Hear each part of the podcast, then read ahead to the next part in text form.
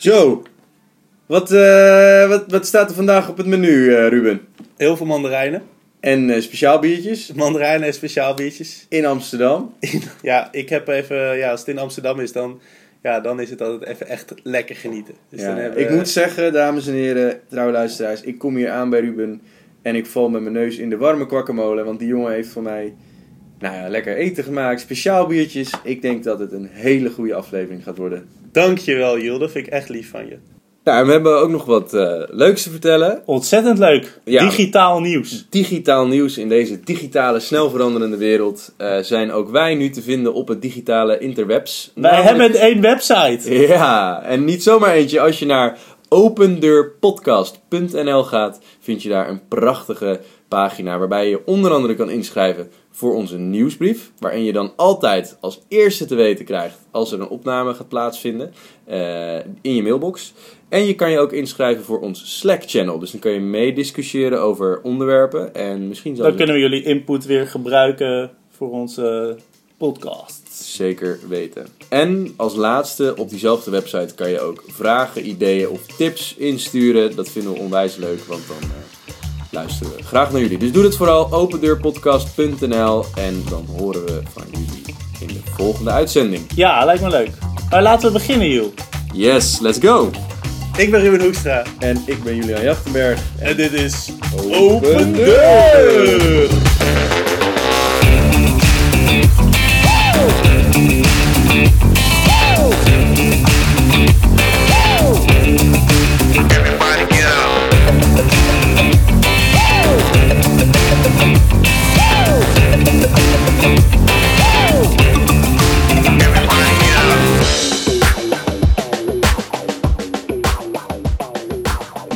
Lekkere tune, hè? Goh, goh. Ik word er altijd zo blij van. Ik denk, joh, er, gaan, er wordt gewoon weer leuk eh, half uur met die jongens, denk ik.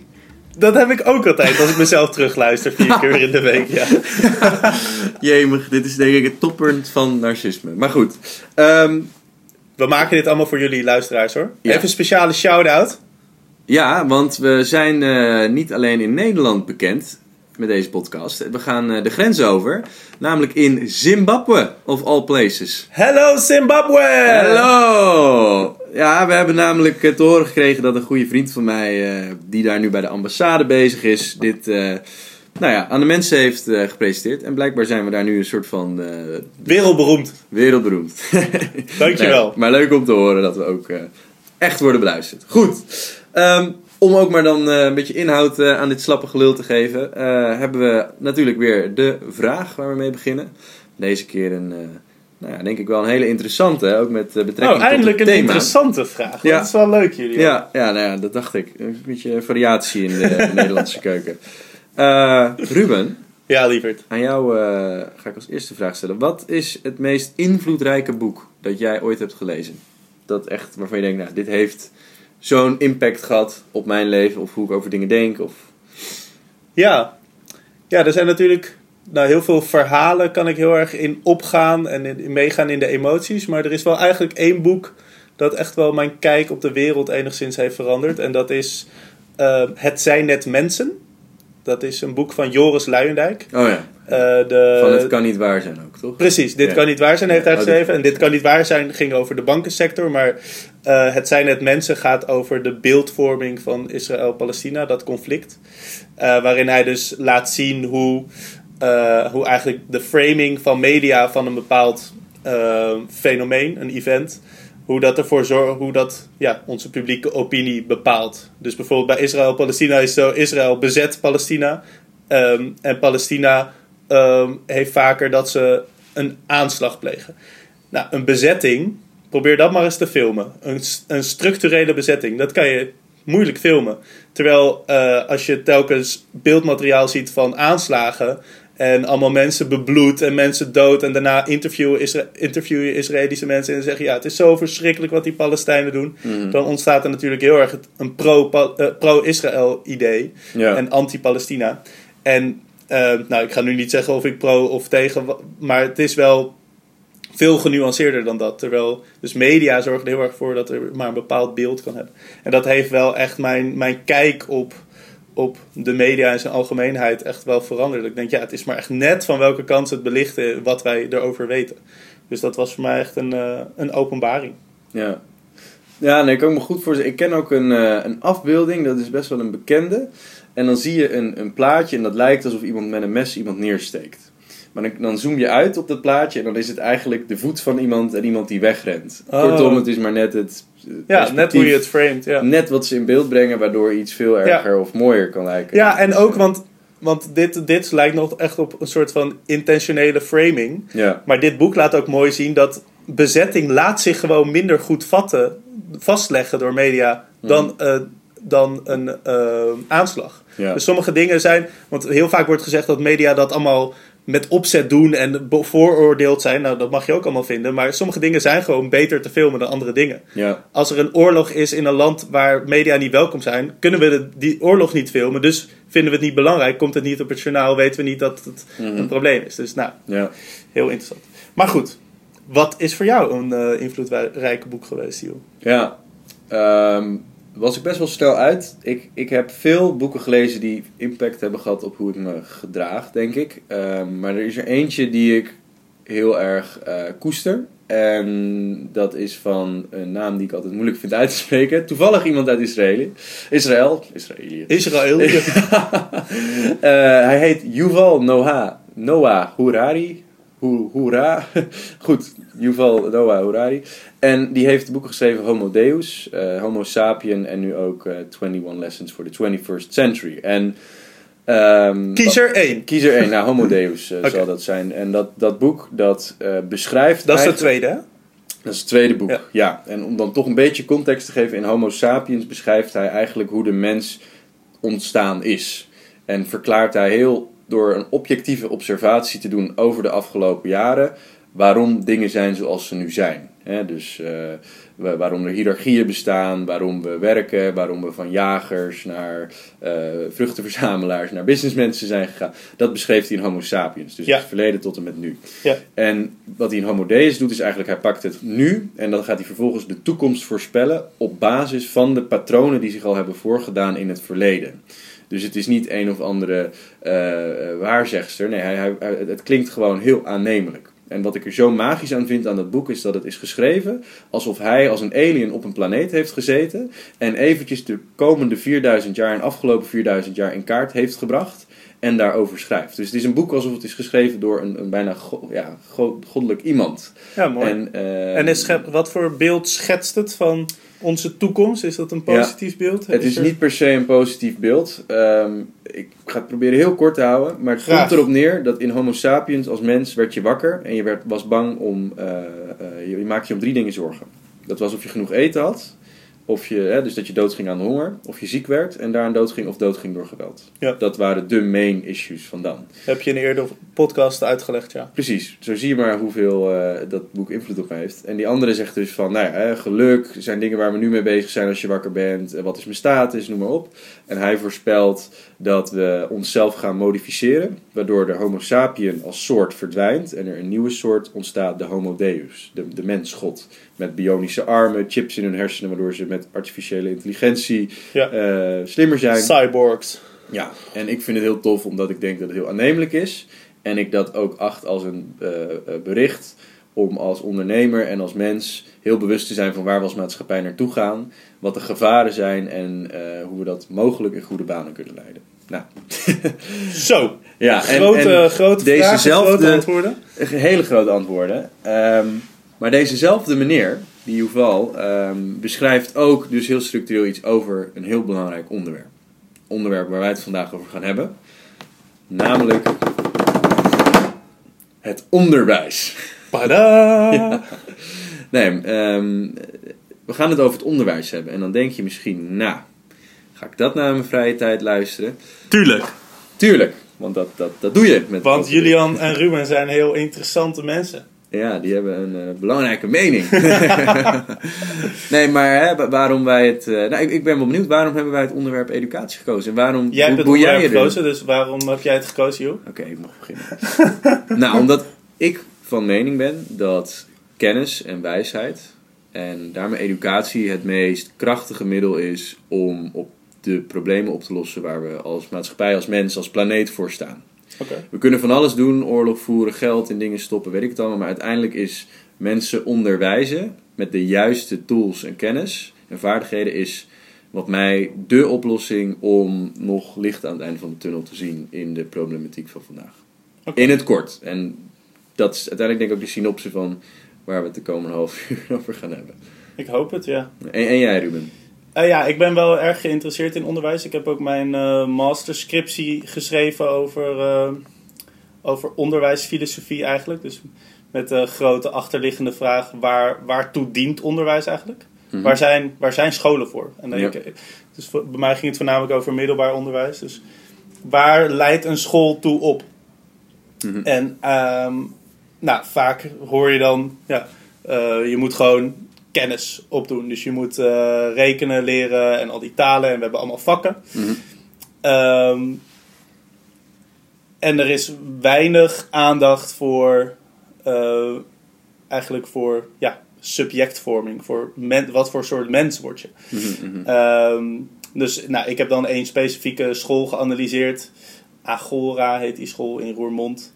En heb ik gekeken hoe die school werkt en zo. Maar dus ja, ik heb me de afgelopen tijd wel veel met onderwijs bezig gehouden. En ik, ik zou ook wel zelf in het onderwijs werkzaam willen zijn. Mhm. Omdat ik ook denk dat het traditionele onderwijs onvoldoende voorbereidt op eh, de toekomst die wij nu eh, tegemoet Ja. gaan. Ja, nou dat, dat zeg je mooi. ehm, want ik ben inderdaad heel erg van mening dat het educatiesysteem zoals we dat nu aanbieden aan onze kinderen. En eh, nou ja, goed, we zitten er zelf, zijn we of net van het studeren af. Je hebt het zo meteen afgestudeerd. Eh, maar dat dat heel ouderwets is. Heel achterhaald. En dat de dingen die we hebben geleerd niet zijn voor de banen die er zo meteen bestaan. En ik, ik, vo- voordat we daar even naar de, de, de feiten gaan, eh, ik vraag me af, vind jij dat jij goed genoeg bent voorbereid om zelfstandig en goed te kunnen functioneren op basis van wat je hebt geleerd op school? Gewoon En dan bedoel je op school, op een basisschool en middelbare school?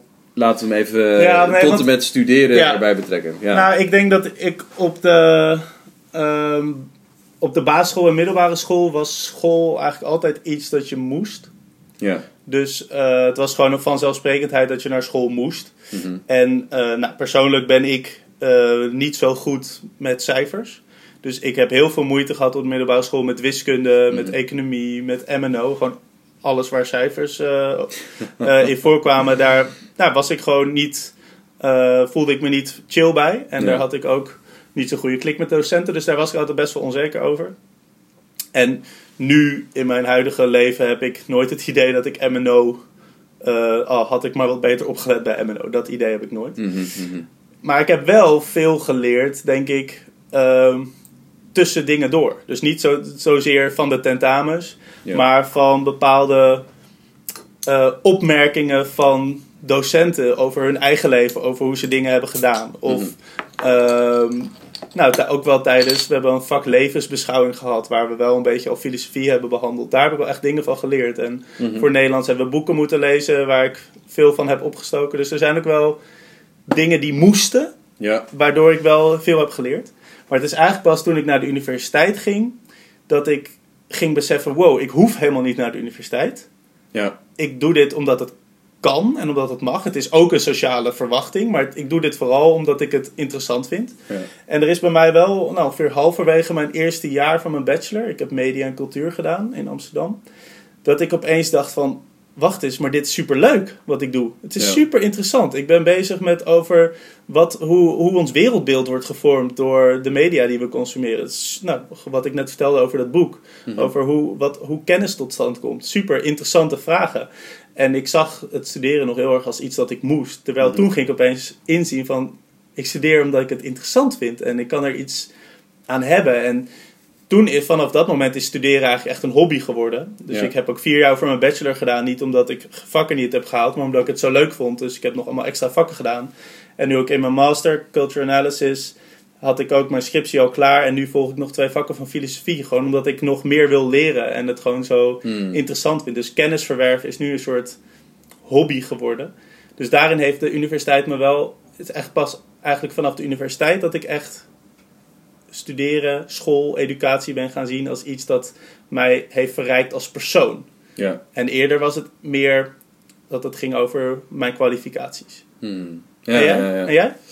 Ehm, nou, ik, ik denk dat ik wel. Ik ben heel dankbaar voor het, het feit dat. eh, waar, waar ik nu sta. En ik denk dat het gedeeltelijk te danken is ook aan het onderwijs, wel wat ik nu. eh, wat ik heb gehad. Maar Ja. ik, ik moet ook zeggen dat ik heel erg veel dingen heb. Precies wat jij zegt. Van had ik maar beter opgelet. Of oh, als ik dat vak. Ik ben zo blij dat ik dat vak heb gehad. Ik denk, ik heb zoveel uren aan een bepaald vak gezeten. Dat ik denk, hier heb ik geen reet aan gehad. En ik had zoveel beter die tijd kunnen spenderen aan weet ik wat. Om een Ja. concreet voorbeeld te noemen. Ehm, Frans, ja, prachtige taal. Ik kan, er geen, eh, ik kan het niet, maar ik heb er wel vijf jaar van mijn middelbare school aan besteed. Terwijl ik heb het nooit meer gebruikt. Ik kan het nu ook niet. Dus ik heb ook niet zoiets van, ik heb er iets aan gehad. En ik had veel liever leren programmeren of zoiets. Grappig, want ik moest ook net aan Frans denken. En ik dacht, had ik maar wat beter opgelet. Want ik heb zes jaar de tijd gehad om gewoon mijn best te doen voor Frans. Ja, En heb ik niet gedaan. nee. En een beetje met Wikipedia heb ik wel leuke cijfers kunnen halen. Maar dat komt omdat, omdat Frans op de middelbare school wordt niet aangeboden met het idee daar heb je iets aan. Maar met het idee dat moet je. Ja, dat is natuurlijk heel anders. Ja, ja. Maar zeker. eh, Maar waar, waar ik heel Ja. erg mee zit, kijk, we, we leren op de middelbare school dus allemaal dingen als aardrijkskunde en, en weet ik het allemaal. En het is natuurlijk goed om daar hè, algemene kennis van te hebben. Ehm, maar waar ik het vandaag heel erg over wil hebben, is de dingen die, die, het, die het dus niet biedt. ja, Dingen die ik essentieel acht. En vanuit mijn, ehm, nou ja, hè, waarbij ik mezelf als een slaapambassadeur zie, Ja. om ook daar maar gelijk even een voorbeeld van te noemen. Die gigantische slaapproblematiek die er nu is, waarbij 1 op de 5 mensen slecht slaapt en daardoor eh, verkeersongelukken zijn, mensen ziek worden, de kans op kanker meer is, nou ja, verschrikkelijk. Kunnen we voorkomen door mensen gewoon te leren slapen. We hebben nog nooit leren slapen. We leren wel op de basisschool hoe je, dat je moet sporten en dat je een banaantje moet eten af en, en hoe je veters strikt. Ja, maar we leren nooit hoe je moet slapen. Ja. Terwijl als je goed slaapt, dan is de hele wereld een stuk gezonder, zijn er minder ziektes, minder verkeersongevallen. Dat is één van de voorbeelden waarvan ik denk, waarom leren we En- dat onze kinderen niet? En hoe zie je dat voor je? Want je zou, zie je dat voor je als dat moet een, een vak worden? Of vind je dat Ja. er van... Oké, Of binnen biologie, of weet ik veel wat. Het moet gewoon Ja. een, een, een cluster worden. Een, een, en misschien is dat een vak. Maar eh, s- slaap is er één. Maar ehm, denk ook aan hele andere dingen. Zoals eh, wat ik misschien wel nog veel groter vind, is psychologie. Wie ben jij als persoon en wat vind jij belangrijk? En hoe ga ik om met verandering? Ehm, ik denk wat nou ja, die Yuval dus ook heel mooi beschrijft in het boek Homo Deus is... Vroeger ging verandering vrij gestaag. Hè? Je ging bij een bedrijf werken en het was, nou, die komende 50 jaar Ja. gebeurde niet heel veel. In de wereld van vandaag veranderen dingen supersnel. Ja. We hebben het internet, we hebben nog nooit zoveel informatie op ons De enige constante is verandering. Precies. En dat als gegeven maakt het dus heel raar dat wij als millennials en aankomende eh, werknemers ons elke dag moeten opnieuw uitvinden. Maar dat is onwijs deprimerend. Want jij bent zo meteen opgeleid tot filosoof. Nou, dat is nog vrij concreet. Maar noem bijvoorbeeld eh, loodgieter. Ja? En dan ben je afgestudeerd, heb je al eh, geïnvesteerd, je hebt leningen gedaan, je moest je er doorheen zetten en je bent klaar. En wat is er aan de hand? Er is een robot die het voor je kan doen. Dan moet je dus opeens jezelf opnieuw gaan uitvinden. Ja. Dat is onwijs confronterend. Dus En- waar, waar moet, wat, wat zou onderwijs hierin kunnen doen volgens jou? Wat is de nou, ik, taak van... ik, ik denk dat onderwijs zich veel meer moet eh, focussen op persoonlijke ontwikkeling en daar begeleiding in. En, en kinderen en, en jongvolwassenen klaarstomen van hey, hoe pas ik me aan in deze supersnel aanpassende maatschappij. Ja. Want hierdoor ga je mensen zwaar de, de, de, de depressies inhelpen. En, en eh, er, daar wordt, er wordt totaal niet stilgestaan bij jouw well-being en wat er in je kop omgaat. Ja, nou ik wil hier wel even een kanttekening plaatsen. Ja? Eh, of niet per se kanttekening. Maar Nederland is wel een van de landen waar ontzettend veel onderwijs innovatie plaatsvindt. Er zijn heel veel scholen die iets Ja. nieuws proberen en inderdaad meer het hebben over persoonlijk leren. ehm, en ehm, eh, ook de, de overheid is daarin best wel vrij en open en eh, aanmoedigend. Ja.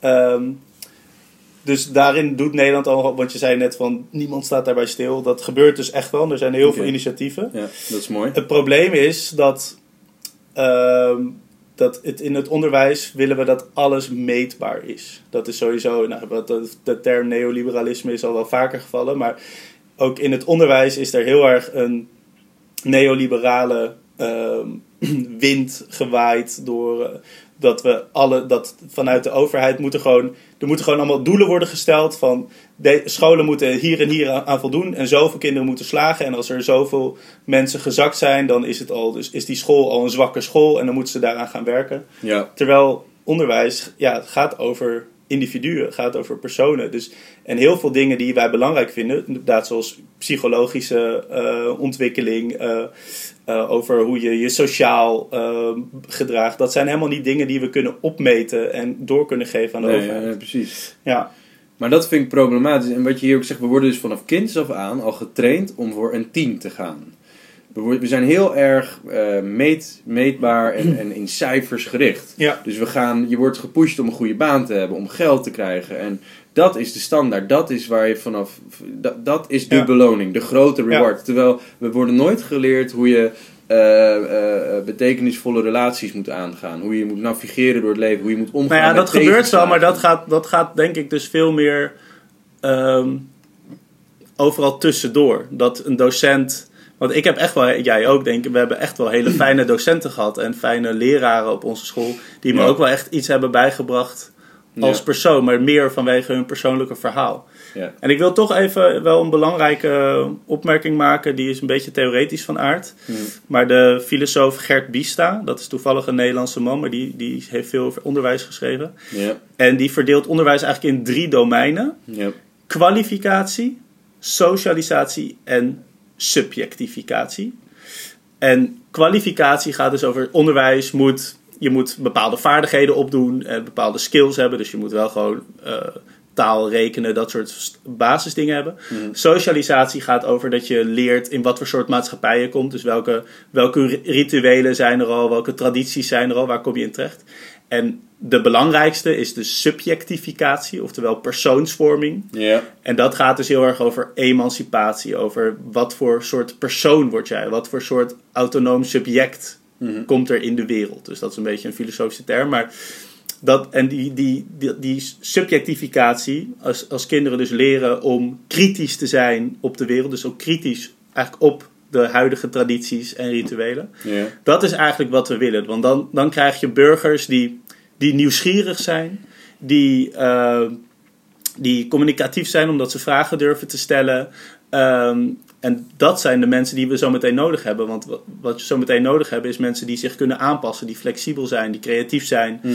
Ehm, en de focus ligt heel erg op kwalificatie, Juist. want dat is meetbaar. Ja, ja, exact. En eh, het zou dus veel meer moeten gaan over subjectificatie. Over wat voor personen zetten wij op de wereld. Dus dan gaat het over democratie. Ehm, en over, over, over geluk en over psychologie en dat soort dingen. Juist. En dat is helemaal niet meetbaar, maar dat is ontzettend belangrijk. Ja, daarom. En ik denk dat dat zo erg mist. Want, kijk, eh, ehm, even heel, heel droog gezegd. ehm, weten wat er in de grond gebeurt en ik allemaal dingen over vulkanen heb geleerd op de middelbare school, gebruik ik nooit meer. Ja. Maar wat er wel in mijn leven speelt, is dat er iemand doodgaat. Is dat, ik, dat er iemand in geldproblemen zit. En ik heb van niemand nooit geleerd hoe ik daarmee moet omgaan. En ik zou bijna zeggen dat de rol van onderwijs is om ook daarin te faciliteren. Tuurlijk is dat jij als persoon. Maar dat zijn zulke essentiële dingen die jouw levenspad zo gaan beïnvloeden. Dat ik denk, had die tijd aan lava's nou besteed aan hoe om te gaan met de dood. Ik, Ja. ik noem maar even een Ja. heel concreet voorbeeld. Nou, ik denk dat, dat dit, dit is er natuurlijk, want dit zijn best wel specifieke voorbeelden. Ik denk dus dat het heel belangrijk is, wat jij net ook al zei, maar dat, dat onderwijs dus ook veel persoonlijker wordt. Wat heb jij nodig als persoon? Mhm. Want sommige mensen hebben bijvoorbeeld een hele fijne thuissituatie. Ja. Dus die zijn psychologisch al veel sterker. Of die weten al veel beter hoe ze sociaal met elkaar omgaan. Mhm. Terwijl sommige mensen hebben, ik zeg maar wat, ouders in de criminaliteit. Of eh, de vader slaat moeder. Weet je, dat weet je niet. Dus het verschilt zo erg per persoon. Terwijl we... Iedereen wordt op hetzelfde manier getoetst op de basisschool bijvoorbeeld. Ja. Terwijl de een heeft twee ouders die elke dag helpen. En de ander heeft misschien eh, ouders waar huiselijk geweld plaatsvindt. Natuurlijk kunnen die niet op dezelfde manier een toets gaan maken. Nee. Dus ik, ik geloof heel erg dat er, dat er heel veel winst is te halen dus bij gepersonaliseerd onderwijs. Wat niet betekent dat, dat je niet moet samenwerken en dat je ook niet eh, plenaire sessies kan houden. Maar wel veel meer gaat kijken van, nou, wa- waar ligt jouw interesse? Wat vind jij interessant? Wat, wat heb jij nodig? Want je hebt het nu over aardrijkskunde, daar hebben we niet zoveel aan. Maar als een kind gewoon heel geïnteresseerd is in vulkanen, laat hem dan lekker over vulkanen, laat hem dat lekker gaan uitzoeken. Want Ja, als je over ja, vulkanen dingen gaat uitzoeken, dan leer je dus iets over, over de grond. Maar je leert ook dat dat anders is op ander, in andere landen. Dus je leert iets over andere culturen, hoe ze daarmee omgaan. Je leert Ja. iets over biologie. Ja. Je leert misschien iets over economie, hoe het, er, hoe het ermee omgaat als er een, een dorp wordt onderspoeld door lava. Nou, misschien kom je dan in aanraking met Pompeii, dan leer je iets over de geschiedenis. En, nou, maar dat is, dat is dus op die Ja. school waar ik dan onderzoek naar deed. Daar werken ze dus heel erg vanuit het interesse van het kind. Van wat vind jij interessant? En dan, dan kom je namelijk Maar hoe weet je als kind wat je interessant vindt? Want ik had op de middelbare school aan moeite met een profiel kiezen. Ja, nou, maar dat dat, is veel te vroeg, toch? Nee, nee, nee. Ik denk dus, je weet, en als je aan een kind vraagt wat wil je later worden, dan weet het, en heel vaak is dat gewoon astronaut. Nou, dan ga je toch lekker uitzoeken wat het betekent om astronaut te worden. Ja, maar wil jij nu nog als... ik, wil nu geen astronaut meer Nee. worden. Nee, maar ik heb het nu echt over, over kinderen, over middelbaar onderwijs, basisschoolonderwijs. Ja, En als een, als een, kind geïnteresseerd is in paarden, nou laat hem lekker over paarddingen gaan uitzoeken. Dan leer je iets over de biologie van paarden. Je leert misschien iets over, is het, is het ethisch verantwoord om ze drugs te geven bij een springwedstrijd? Eh, wat kan je daarin doen? Of is het wel ethisch om ze eh, vast te houden ehm, of in eh, captivity? ja. Dus veel meer vanuit die interesse eh, gaan werken. Ik denk dat daar heel veel winst te halen is. Want Mhm. kinderen hebben gewoon, zijn heel geïnteresseerd. Er is een soort natuurlijke nieuwsgierigheid bij heel veel mensen. Zeker. En die wordt Ja. gewoon platgeslagen door het onderwijs omdat je van alles moet. Ja, je wordt eigenlijk gelijk de kop ingedrukt als je Ja. een ambitie hebt. Van, oh, astronaut, leuk. Hè, Echt zo'n typische kinderdom. Ja. ja. Maar ja, ja nee, dat, dat klopt. En ik denk ook dat dat, dat dat goed is om daar naar te kijken. Maar ik denk ook dat we naar de capaciteit moeten kijken van... joh, is, is dat mogelijk, zo'n highly gepersonificeerd stuk onderwijs? Dat is natuurlijk heel... On... maar een, een docent heeft nu al moeite om een standaardlesprogramma te draaien. Laat staan dat hij met ieder, ieder individu moet rekening houden. Nee, en ja, goed. Nou, dat is dus. Maar goed, ik wil, heb nu geen zin om heel erg over die school uit te wijden. maar ehm, het, is, het is net zo efficiënt wat zij doen. Want zij hebben gewoon. Kinderen werken gewoon heel veel aan hun eigen projecten. En ze hebben een soort coach die hen daarin begeleidt een paar keer per dag. Ehm, en eh, ze hebben ook verder wel andere lessen. Maar ja, die docenten hebben gewoon veel meer mensen onder hun hoede. Maar dan veel meer korte, ehm, eh, korte persoonlijke sessies met mensen.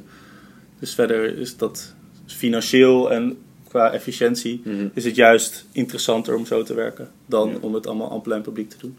Ja, is ook zo. Maar ja, ik vind dat stukje dat we dus met cijfers bezig zijn Ja. en hè, dat, dat dat het doel is, vind ik heel kwalijk. Want we zouden veel meer van zo'n cijfercultuur, dus de cultuur van de, het meten. de, de cultuur van het meten moeten gaan naar de cultuur van het proces. Ja. Van hoe kom je ergens naartoe? Want als je Ja. ziet, hé, hey, ik heb vooruitgang geboekt en nee, ik heb niet een 10, maar ik ben wel van kennis 0 naar kennis 10, naar 8 gegaan. Dat motiveert juist. En Ja. nu is je motivatie eh, je, je vader die je anders een pak slaag geeft omdat je geen 8 hebt. Hè? Ik noem even. Maar dat is wel wat er nu van je wordt verlangd. En ook op de late termijn, als, je, als jij geobsedeerd bent met je proces verbeteren, dan is dat onwijs krachtig. Stel, eh, een, voet, een, een, een basketbalteam zou alleen maar kijken naar het scorebord. Daar, worden ze, daar gaan ze niet beter van basketballen. Als je gaat kijken naar de, de coaching sessies en waar het daar beter kan. En het scorebord gewoon af en toe als een, nou ja, een, een, een mee te nemen. Is het veel beter. Maar deze hele cultuur is geobsedeerd met alleen maar naar het scorebord kijken. Ja. En niet naar de training. Nee, zeker. Maar goed, het is ook, eh, weet je, je, je middelbare schooldiploma Ja. ehm, en je cijferlijst geeft gewoon bepaalde toegang tot vervolgopleidingen. Ja. Dus eh, ja het, wordt, het, het wordt ook beloond. het systeem om- is nu zo. Ja. Precies, omdat het systeem zo werkt. Ehm, dus wat denk ik veel beter zou werken, is meer op, Mhm. op meer op een soort portfolio manier te gaan werken. Ja. Van wat heb jij gedaan? Wat, eh, dat is dus op die school waar ik dan onderzoek naar had gedaan, was een jongen die had uit zichzelf had hij al een heel onderzoek gedaan naar, ehm, ehm, naar ehm, raketten. En die eh, heeft verder geen eh, natuurkunde en wiskunde B gehad, als- zoals op een traditionele school. Ja. Maar die is wel naar de TU Delft gegaan en heeft laten zien wat hij allemaal al kon. Mhm. En die is op basis daarvan wel aangenomen. Ook Ja. op basis van vertrouwen dan van TU Delft. Maar zo zie je dus dat, dat er zijn ook gewoon andere manieren van denken. Want we zitten ook gewoon heel erg vast in dat tra- traditionele denken. Ja. Ehm, dus daarin is ook gewoon heel veel... er is gewoon heel veel vertrouwen nodig in docenten. Er moet, eh, we moeten gewoon erop vertrouwen dat op individuele docenten dat die gewoon wel iets kunnen. En nu proberen we alles met regelgeving vanuit de In te overheid ehm, ehm, in, nou, inderdaad eh, allemaal vorm te geven. Terwijl ja, onderwijs vindt plaats tussen mensen, niet tussen eh, robots. Dat zeg je mooi. Ja. Want ik denk dat heel veel docenten zich misschien nu al als robots voelen. Zeker, en nou, zich ook zo gedragen. En ook hun eh, leerlingen zien als robots, gewoon als iets waar je informatie in kan stoppen. Het is een nummer en dat moet... eh, Ja, nou, ik heb een eh, mooi, mooi, mooi artikel gelezen, ook van Gert Bista, die ook dan studenten vergelijkt met ehm, van, die, van die zelflerende stofzuigers. Die dus, Oh ehm, en dat is eigenlijk hoe we nu werken met kinderen. Van je stopt er gewoon informatie in waar ze iets mee kunnen. Ja. En daardoor kunnen ze inderdaad wel navigeren. En ze kunnen ook wel dingen leren. En ze kunnen zich be- bewegen. Ehm, alleen het zijn geen autonome subjecten die voor zichzelf kunnen opkomen en kritisch kunnen zijn. Nee, het En zijn allemaal wel- stofzuigers. Precies. En willen wij stofzuigers zijn? maar goed, Nou ja, we hebben meer nodig daarin. En nou ja, ja ik, ik, ik, en daar gaan we zo ook, ook naartoe. Maar ik heb nu zo erg het gevoel dat. En dit is dan een voorbeeld van een heel erg vooruitstrevende school. Hè, dat is 0,01% van alle scholen in de wereld. eh, waar we nu. In de wereld, voorbeeld ja. in de wereld. Ja, want in Nederland dus zijn er echt best wel veel. Gaat wel goed, maar ik denk wereldwijd gezien is het onderwijs nu zo ingericht als dat van 100 jaar geleden. Ja, De dingen die je nu leert zijn gemaakt voor de werkzaamheden, voor een Voor eh, fabrieksarbeiders. voor een job, voor fabrieksarbeiders. Ja. En daar klopt geen snars van. En moeten we zo snel mogelijk iets gaan doen, want dat is gewoon levensgevaarlijk. Ook bijvoorbeeld hoe we over eh, seks praten. Weet je wel, hoe je op de school seksuele voorlichting krijgt. Het is heel, heel, eh, heel plastisch, heel biologisch. Terwijl. ehm, Seks is passie. ja, we hebben, we hebben het nooit over seks is liefde en waarom heb ik een erectie en wat is masturberen. Nee, Ja. dat zijn dingen die stoppen we in de doofpot. Nee, Ja. het is om, om kinderen te maken na het huwelijk en eh, je hebt een spermacel en een eicel. Denk ik ook van ja, maar dat is niet hoe we als mensen met elkaar praten. En we zijn wel in 2018 waarbij we denk ik ook daar veel opener in moeten zijn. Dus naast die eh, cijferobsessie, waar we veel meer naar proces moeten, en dat we fabrieksarbeiders eh, in de industriële revolutie aan het opleiden zijn, zijn we ook niet menselijk met elkaar aan het praten over eh, hoe moet je omgaan met tegenslagen en wat is seks. Terwijl dat zijn dingen die gaan een hele grote rol spelen in, in je leven. En Ja. zijn nu niet een onderdeel ervan. Ja. Maar, eh, want heb je dan het idee dat dat vakken zouden worden? Of hoe, hoe zie je dat voor je? Of wat heb je daar zo Ja, ik heb helaas nog gelezen? niet een eh, adviesrapport. Nee, nee, Maar, dat snap ik. Maar wat, ehm, wat, want je, je zegt wel van het, we zouden meer hierop moeten focussen. Maar, Ik denk dat we het moeten, eh, doordat wij het hier nu over hebben. Ehm, dat we die discussie kunnen starten om het te herzien. En dat meerdere mensen bewust worden van dat we kinderen opleiden voor iets wat een baan was 100 jaar geleden. En dat er heel veel menselijke aspecten ontbreken. En dat we dat, eh, de oplossing in mijn mening zou daarvoor moeten zijn een ander vakkenpakket eh, aangepast op het individu, wat hij of zij wil, met obsessie op het proces. En waarbij er open kan worden gepraat over seks, tegenslag, psychologie. Als jij iets alleen maar over raketten wil weten, doe je dat Ja. lekker. Ehm, en, en hoe dat precies er dan uitziet, dat is de nee, vraag. dat snap ik. Maar ik denk wel, met de komst van kunstmatige intelligentie gaat de docent eh, veel meer een hele andere rol gaan krijgen. Ja. Want ook kinderen, er zit zometeen geen waarde meer in feitenkennis. Want dat kan de computer toch beter. Rekenen gaat de computer beter kunnen. Ehm, de computer en robots en alles gaan beter worden in, in bijna alle dingen die we nu leren op school, dan wat dan ook. Maar ze gaan in één ding niet goed zijn. En dat is emotie en creativiteit. Dus wat, wat we onze kinderen zouden moeten gaan leren, en in dat vakkenpakket, is dus niet hoe, eh, de, hoe hoog de Eiffeltoren is, hè, of eh, de, de, woorden, de, de woordenlijst Duits. Nee, dat gaat die robot toch wel beter kunnen. We moeten iets gaan maken wat ze, wat ze, wat ze superieur gaat maken. Die homo deus, waar ik eerder naar Oké, refereerde. ja. Dus ga ze leren schilderen. Ga ze leren eh, creatieve dingen doen. Ga ze leren met emoties om te gaan. Ja. Ehm, daarmee ga je echt de technologie. Ja, ik denk zeker dat dat heel belangrijk is. Alleen, het is ook te makkelijk om te zeggen dat het niet meer nodig is dat wij rekenen en talen moeten leren. Omdat je Ja. daarmee ook een, een vorm van analytisch denken en abstract denken leert. Want wiskunde, zeker, nou, zeker dingen als wiskunde of een nieuwe taal leren, daar zit gewoon een structuur in. Ja. En natuurlijk leer je ook woordjes, maar je leert ook ja, een st- structureel hoe een taal werkt. En bij wiskunde leer je ook hoe vormen met elkaar samenhangen.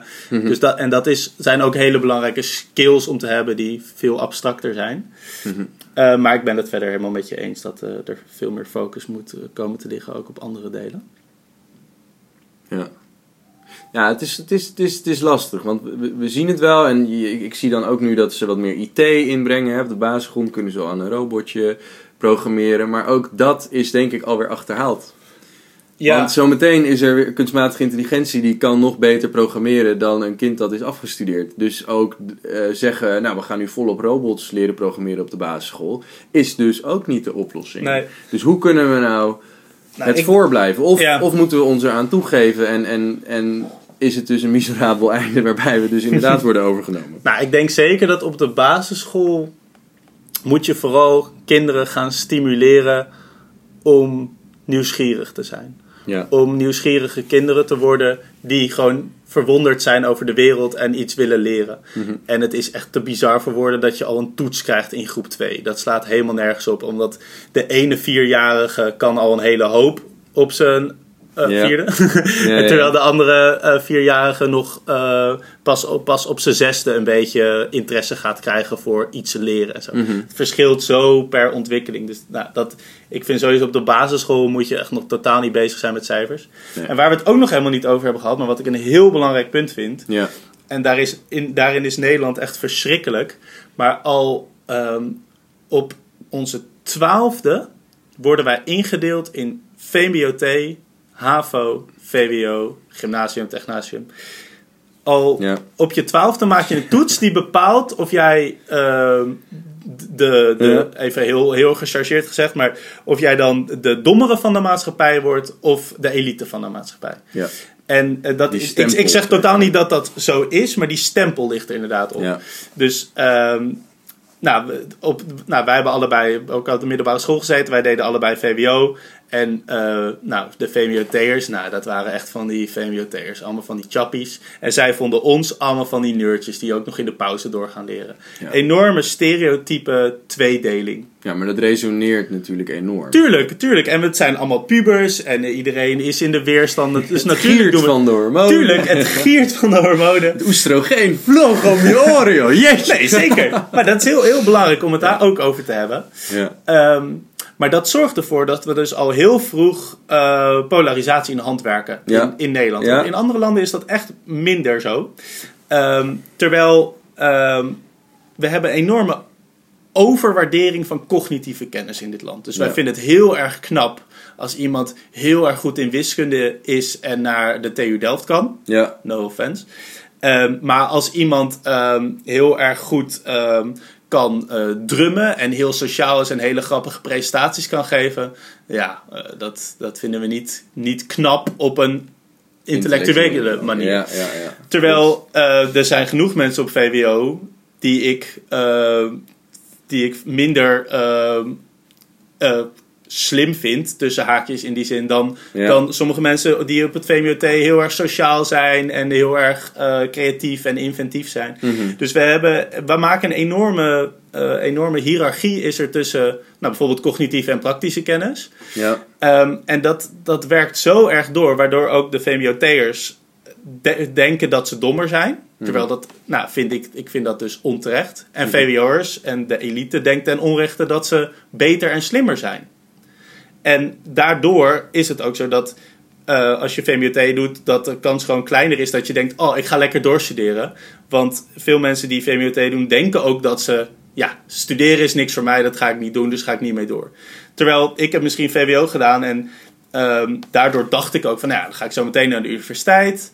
En ehm, op de op- uiteindelijk heb ik ook heel veel geleerd op de universiteit. Maar dat is wel omdat ik ook met al die stereotype ideeën zat van... Ja, als je VWO hebt gedaan, ga je daarna naar de universiteit. En dat, dat hoort allemaal een beetje zo. Dus mij heeft het heel veel gebracht. Maar mij heeft het dus heel veel voordelen gegeven. ja. Maar ja, verder is het wel vrij Nou, ik, heb, eh, ik heb een vriend van mij, die, is, eh, die heeft de stempel VMBO'er gekregen. Van, nou, die kon helemaal niks. Dat kreeg hij te horen hè, op de eind van de basisschool. Die zit nu aan de TU Delft.